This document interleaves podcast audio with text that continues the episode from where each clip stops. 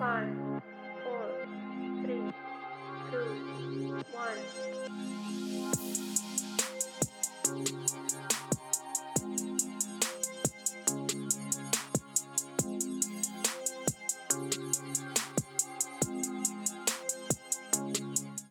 pagi atau siang atau malam ke para pendengar semua.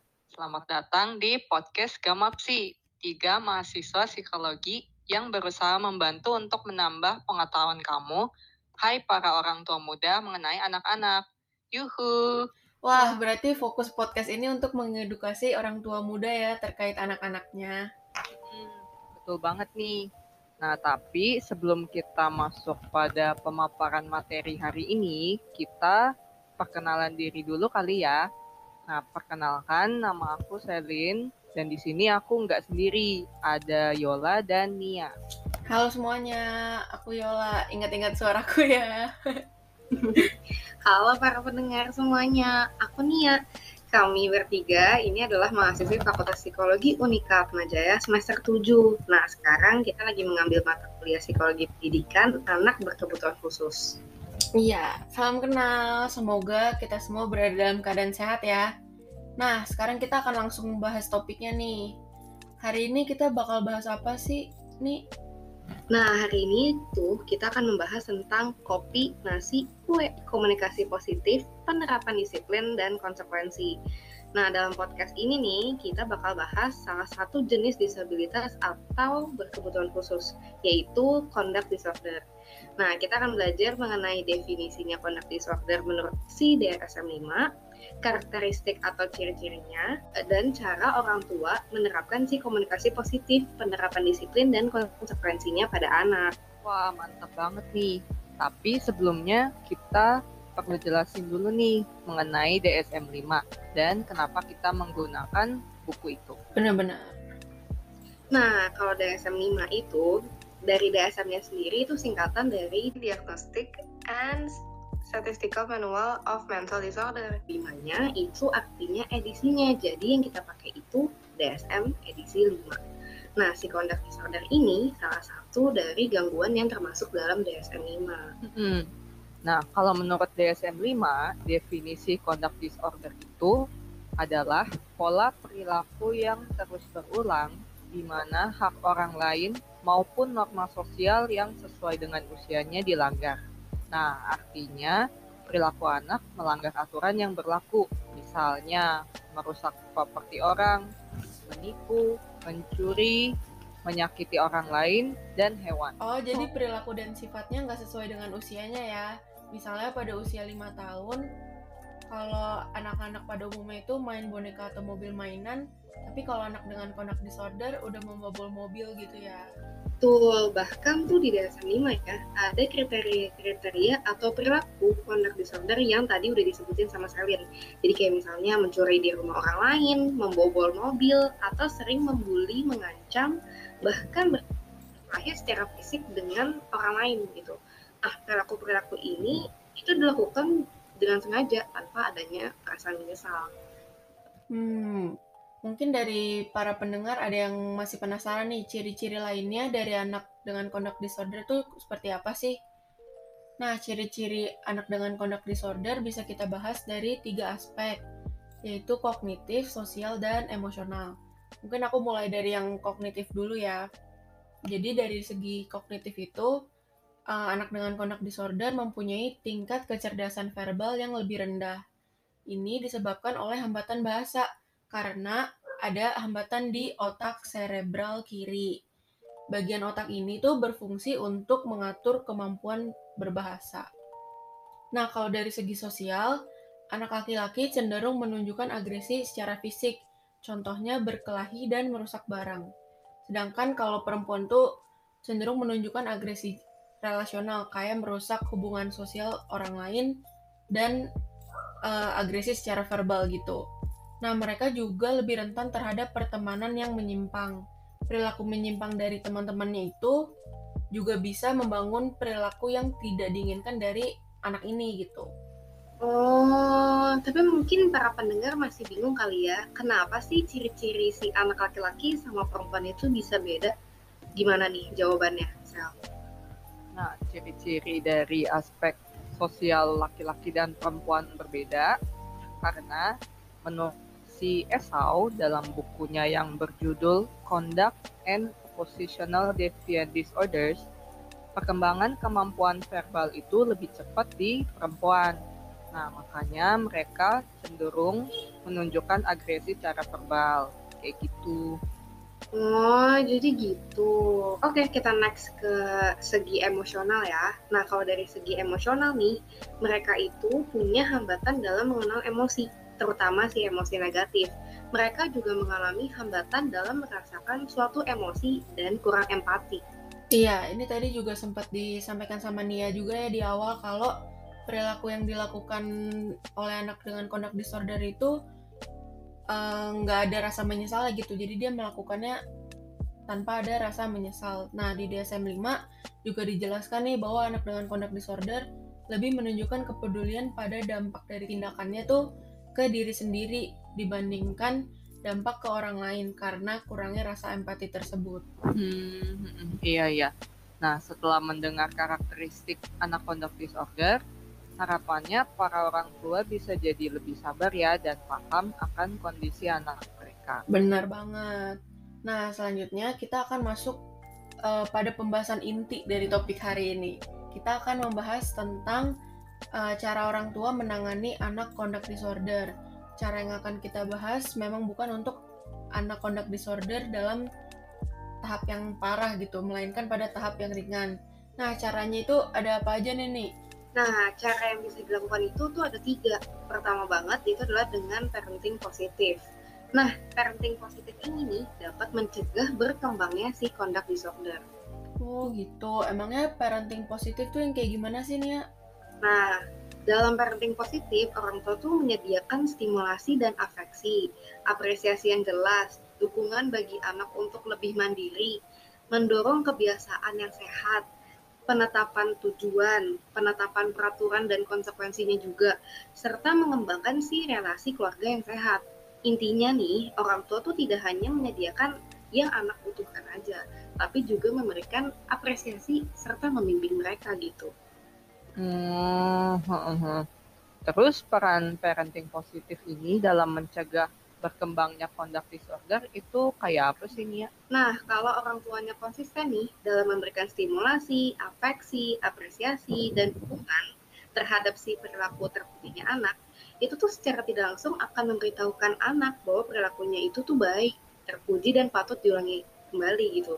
Misalnya nih, anak berhasil makan sendiri gitu ya. Nah, orang tuanya tuh kasih pujian gitu, kayak wah kamu bisa makan sendiri gitu. Itu kan akan memberitahukan ke anak kalau oh ternyata perilaku yang saya lakukan ini disukai ya sama orang tua saya gitu. Mereka jadi punya dorongan untuk mengulangi kembali perilakunya. Jadi memang perlu penekanan sejak dini untuk membangun si perilaku terpujinya anak gitu.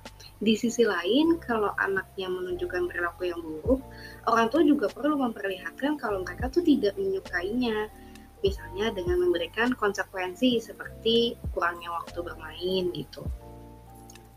Hmm, kalau misalnya kasih konsekuensi yang lebih berat dari itu, boleh nggak sih? Misalnya kasih hukuman fisik gitu? Wah, kalau misalnya pemberian hukuman fisik sih, orang tua perlu hati-hati banget sih, Sal.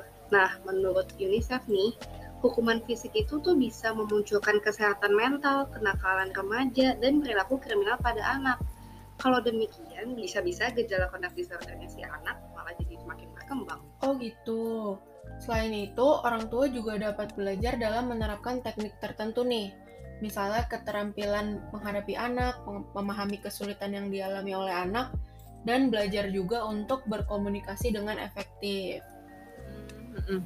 Nah, ini berkaitan nih dengan cara penanganan kedua dan ketiga yang akan kita bahas. Wah, apa tuh sel? Nah, caranya itu dengan teknik kopi, nasi, dan kue, alias komunikasi positif, penerapan disiplin, dan konsekuensi. Nah, sekarang kita akan bahas mengenai komunikasi positif dulu. Dalam komunikasi positif, ada empat langkah nih. Pertama, penggunaan pujian yang dapat mendorong perilaku positif anak. Nah, penggunaan pujian ini harus diberikan secara spesifik, misalnya, wah bagus kamu telah merapikan mainan kamu dengan baik gitu. Hmm, hmm. Jadi perlu disebutin ya perilaku apa yang Iya. mau diapresiasi. Benar. Nah, kalau yang kedua itu meniru perilaku anak saat bermain atau disebut juga imitasi.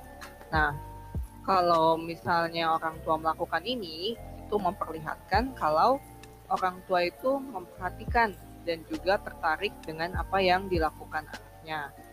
Nah, kalau yang ketiga itu mendeskripsikan hal yang dilakukan oleh anak. Misalnya, kamu menaruh balok hijau di atas balok merah. Ternyata sedang membuat bangunan ya, bagus gitu.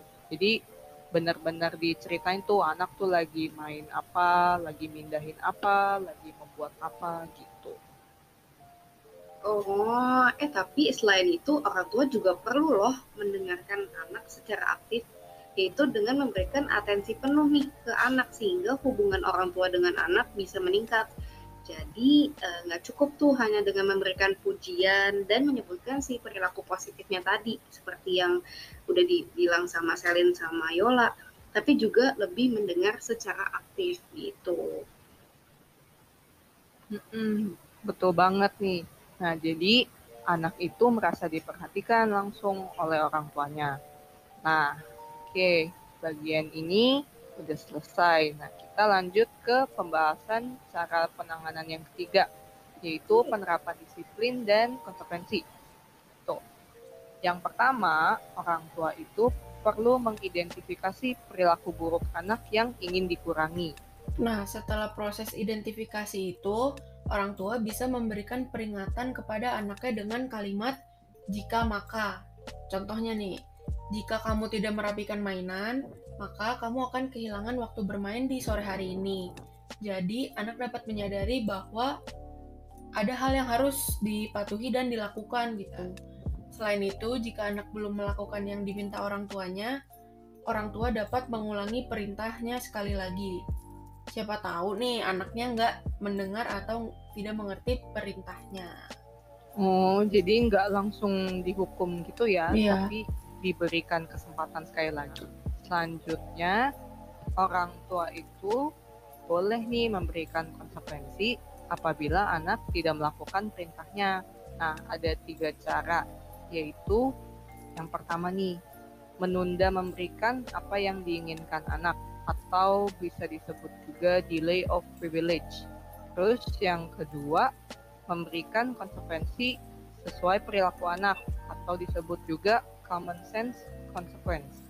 Terus yang terakhir itu membuat situasi di mana anak hidup dalam konsekuensi dari perilakunya atau disebut juga natural consequences. Hmm, contohnya gimana tuh nih? Nah, kalau contoh dari yang pertama dulu ya, yang delay of privilege nih, misalnya nih, mama baru akan kasih es krim kalau kamu beresin mainan. Hmm. Nah, terus yang kedua, kalau yang common sense consequence, itu tuh misalnya nih kalau anak suka ngelempar mainan, ya udah mainannya di mainan yang sering dilempar itu disimpenin, jadi nggak bisa dimainin lagi sama si anak. Terakhir, itu yang natural consequences. Ini misalnya nih diberikan mainan yang rusak karena dilempar. Jadinya kan si anak tuh susah main ya karena kan mainannya udah rusak gitu.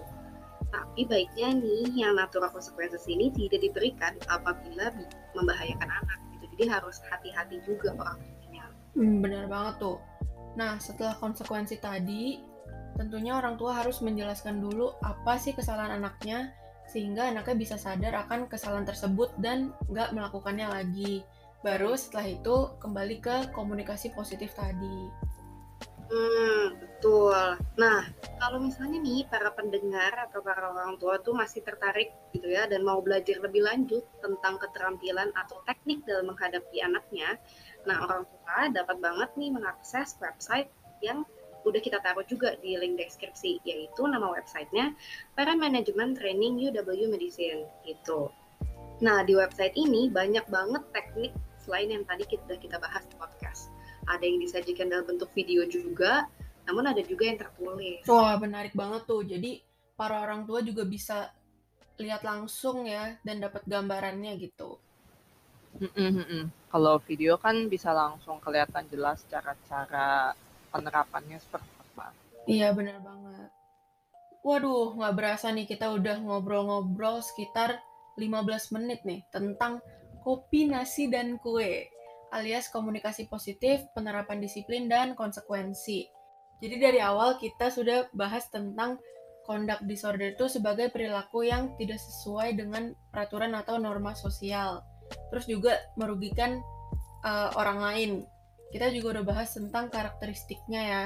Dari segi kognitif yang tadi tuh ada hambatan verbal, terus dari segi emosional karena ada hambatan mengenal emosi negatif dan dari segi sosial yaitu perbedaan dari agresi fisik dan, verbal pada laki-laki dan perempuan. Nah, terakhir kita juga udah bahas tentang parenting positif, komunikasi positif, penerapan disiplin dan konsekuensi. Nah, gimana nih setelah mendengar pemaparan dari mahasiswi FPWJ, kira-kira para orang tua jadi lebih paham nggak tentang conduct disorder pada anak? Wah, semoga sih lebih paham dan tercerahkan ya. semoga dari podcast ini tuh para orang tua tuh bisa menyadari dan belajar lebih mengenal anaknya lagi gitu. Tapi penting juga nih bagi orang tua untuk nggak langsung berasumsi sendiri, mainkan konsultasi juga ke pihak yang profesional dalam bidang ini. Mm-mm, betul banget tuh. Nah, sekian dari kami Gamapsi, tiga mahasiswi psikologi mau izin pamit terlebih dahulu nih para pendengar. Kita mau melanjutkan aktivitas selanjutnya gitu. Nah, tetap jaga kesehatan dengan memakai masker, mencuci tangan dan menjaga jarak. Dadah. Dadah. Bye.